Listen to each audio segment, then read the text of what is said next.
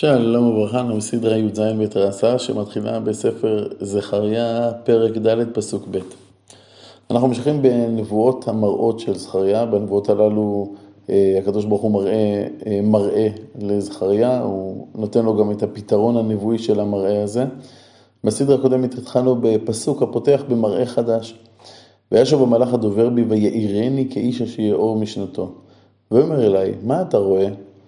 ואומר, ראיתי, והנה מנורת זהב כולה, וגולה על ראשה, ושבעה נרותיה עליה, ושבעה ושבעה מוצקות לנרות אשר על ראשה, ושניים זיתים עליה, אחד מימין הגולה, ואחד על שמאלה. כלומר, הזיתים הללו הם קישוטים שנמצאים על אותה מנורה.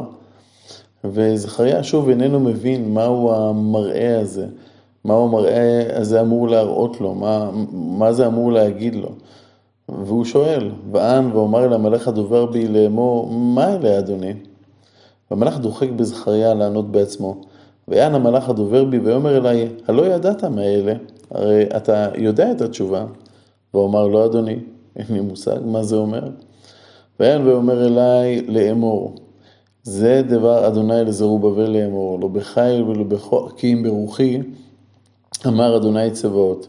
מי אתה הר גדול לפני זרובבל למישור? והוציא את אבן הראשה תשועות חן, חן לה. ננסה להבין את פתרון המראה. הפתרון מדבר על הזרובבל, שיכול להפוך הר גדול, הר גבוה למישור, כלומר אין לו שום קושי. אה, דבר נוסף שאנחנו יכולים להבין מפה, שיש איזה אבן ראשה, כלומר אבן ראשה בצורה פשוטה זה אבן שאיתה מסיימים את בניין הבית ואותה מניחים בראש הבית.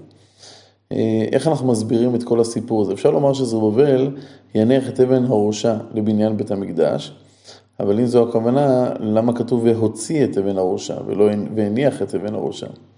אז יש שתי דרכים מרכזיות לביאור הפסוקים הללו. הדרך הראשונה מיוצגת על, על, על ידי רש"י, ורואה בנבואה הזאת נבואה לזמן הקרוב, לימי בית שני. השנייה מיוצגת על ידי מלבים, רואה בנבואה הזאת כנבואה שמתארת זמן הרחוק, בית שלישי, לעתיד לבוא. נתבונן בהם. רש"י מסביר שכל זה מדבר במאורע שעומד להתרחש בעוד זמן קצר, דריווש עומד לתת אישור לבניית הבית, וכמו כן הוא גם מספק את הוצאות הבנייה, ואם כן, בעצם לא יזדקקו לשום שנור, לשום מסוג כספים מיהודי בבל, מאף אדם אחר.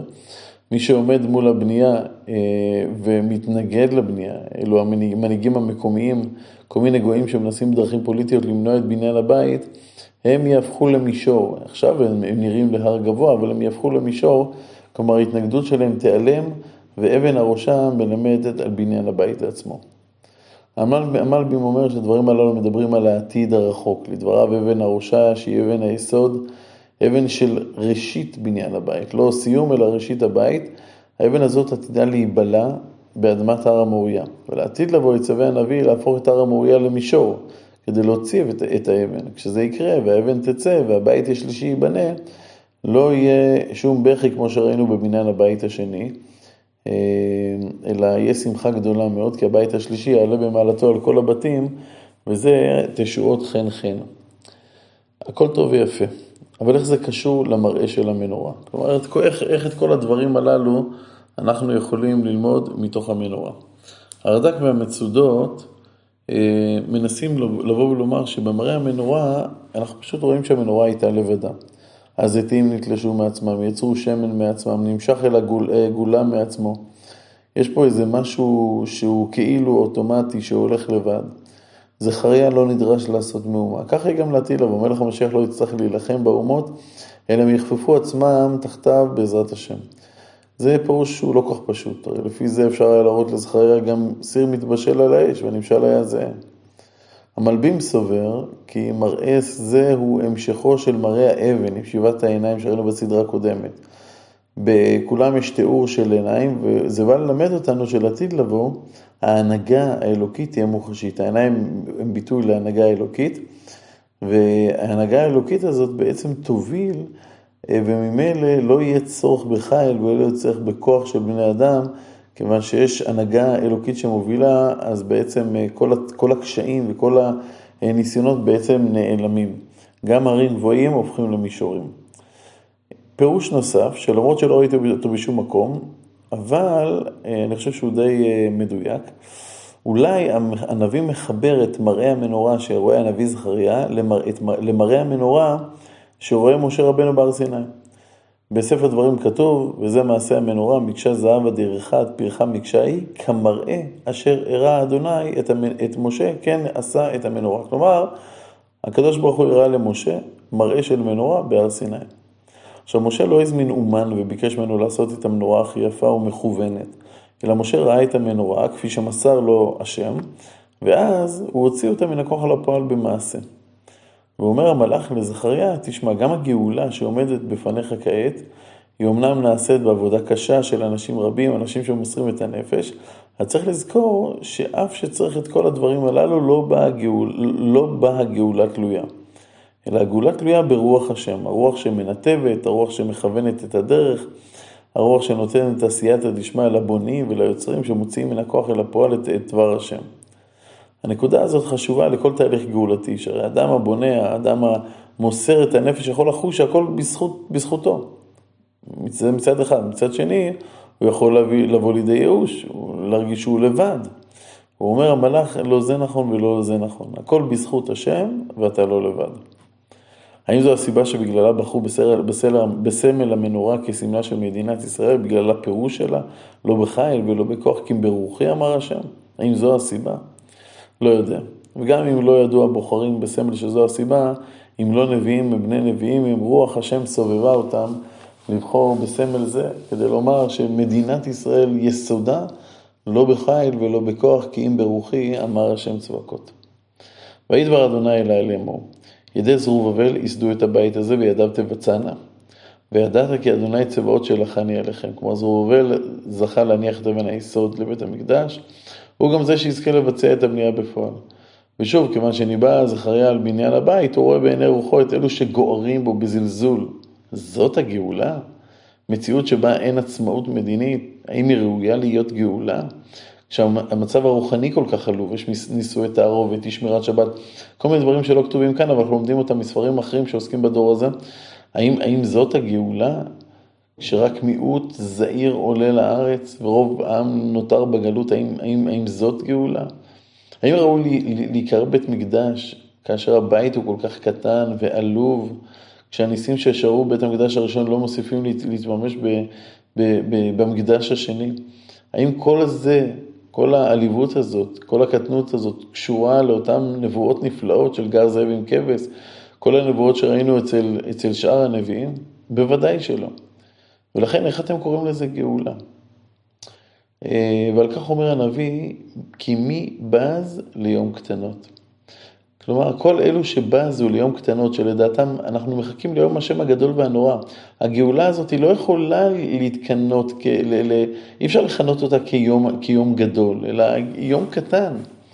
ושמחו וראו את אבן הבדיל ביד זרובבל, שבעה אלה, עיני אדוני הנה המה משוטטות בכל הארץ. מסביר המצודות, אותם אלו שבזו ליום קטנות, ישמחו לעתיד לבוא, כשהם יראו את אבן המשקולת ביד המשיח, הבא מזרע זרובבל, המייסד את הבית. אבל אותו יום גדול שיהיה לעתיד לבוא, מתחיל כעת, ביום הקטנות. היום הקטנות האלה הוא היסוד, הוא הבסיס להכל. הוא יעבור עליות וירידות, המקדש הזה ייהרס, אבל קדושתו לא, לא תיעלם. היום הזה נוכח אי אפשר שלא לשמוע, אגב, כשאנחנו קוראים את הפסוקים הללו, אה, אי אפשר שלא לשמוע את אלו שמתבוננים היום במדינת ישראל ואומרים, האם זו הגאולה? האם זה על מה שעליו ניבא ישעיהו הנביא? ועל זה אנחנו צריכים לענות כהד את מילותיו של זכריה, מי בז ליום קטנות? מי שבז ליום קטנות לא יזכה לראות את היום הגדול, כי זה תהליך. צריך את הקומה הראשונה כדי להגיע לגג. נמשיך. זכריה ממשיך לחקור על מראה המנורה שהוא ראה. ואן ואומר אליו, מה שתי הזיתים האלה על ימין המנורה, על ימין המנורה ועל סמולה? ואן שנית ואומר, מה שתי שיבולי הזיתים, כלומר אשכולות הזיתים, אשר ביד שני צנתרות הזהב המריקים מעליהם הזהב. יש במנורה קישוטים, צורת זיתים, שיבולים, שיבולי זיתים, מה, מה, מה, מה כל זה אומר? ויאמר אליי לאמור, לא ידעת מה אלה. אתה, אתה יודע. הוא אמר, לא אדוני, אין לי מושג. ויאמר אלה שני בני היצהר העומדים על אדון כל הארץ. בני היצהר הם אלה שהם משוחים בשמן. מי, את מי מושכים בשמן את המלך ואת הכהן הגדול, זרובבל ויהושע. ושוב פעם, יש פה מראה המנורה שמלמד שלא בחיל ולא בכוח, כי אם ברוחי אמר השם, אבל רוחו של השם לא יורדת מהשמיים, סתם ככה. בעולם שלנו, עולם טבעי, צריך מנהיג מדיני, וצריך מנהיג רוחני כדי להוציא את רוח השם מן הכוח אל הפועל. והגענו למראה חדש. ואשוב ואשא עיניי ואראה והנה מגילה עפה. יש מסבירים שזכריה רואה מגילה עפה באוויר, כמו כך מסבירים המצודות ורש"י, אה, המצודות ואחרים. רש"י ביאר שמגילה עפה זה מגילה כפולה, כתוב עליה בשני הכיוונים. ויאמר אליי, מה אתה רואה? והוא אמר, אני רואה מגילה עפה, אורכה עשרים באמה, ורוחבה עשר באמה, כלומר ממש כגודלו של קודש הקודשים. ואם תשאל מה כתוב על המגילה הזאת, התשובה מופיעה. ויאמר אליי, זאת העלה היוצאת על פני כל הארץ, כי כל הגונב מזה כמוה ניקה, וכל הנשבע מזה כמוה ניקה. המלבים מסביר שכל שבועות השקר שאותם נשבעו ישראל, כל השבועות הללו התקבצו להם אל תוך אותה מגילת ענק, וכל אלו שנשבעו לשקר ינוקו מן העולם. הוצאתי הנאום אדוני צבאות, כלומר שתתמלא המגילה, השם יוציא אותה, ואז כל הקללות אה, בעצם שרשומות על אותה מגילה יראו לאוויר העולם. והוצאתי הנאום אדוני צבאות, ובאת אל בית הגנב, כלומר פורענות תבוא אל בית הגנב, ואל בית הנשבע בשמי לשקר, ולנה בתוך ביתו, וחילתו, ואת עצה ואת הבנה, כלומר פורענות תבוא, תביא לכליונם של החטאים. ושוב מראה חדש. ויצא המלאך הדובר בי ויאמר אלי, שנא עיניך וראה, מה היוצאת הזאת? כלומר, מה, מה זה נמצא שם? והוא אמר, מה היא? ויאמר, זאת היפה היוצאת. כלומר, יש פה סל גדול בנפח של איפה, שיוצא משם. מה זה אומר? ויאמר, זאת אינם בכל הארץ. כלומר, עין הרעה שיש לאותם אלו שמנסים למנוע את שיבת ציון, העיניים הרעות הללו יכו בכל הארץ, אבל לא בבוני המקדש.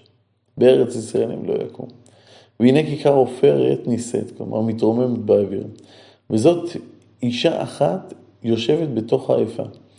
ואומר, זאת הרשעה. כלומר, האישה הזאת ש, שיושבת בתוך האיפה, היא מבטאת את הרשעה. וישלח אותה אל תוך האיפה.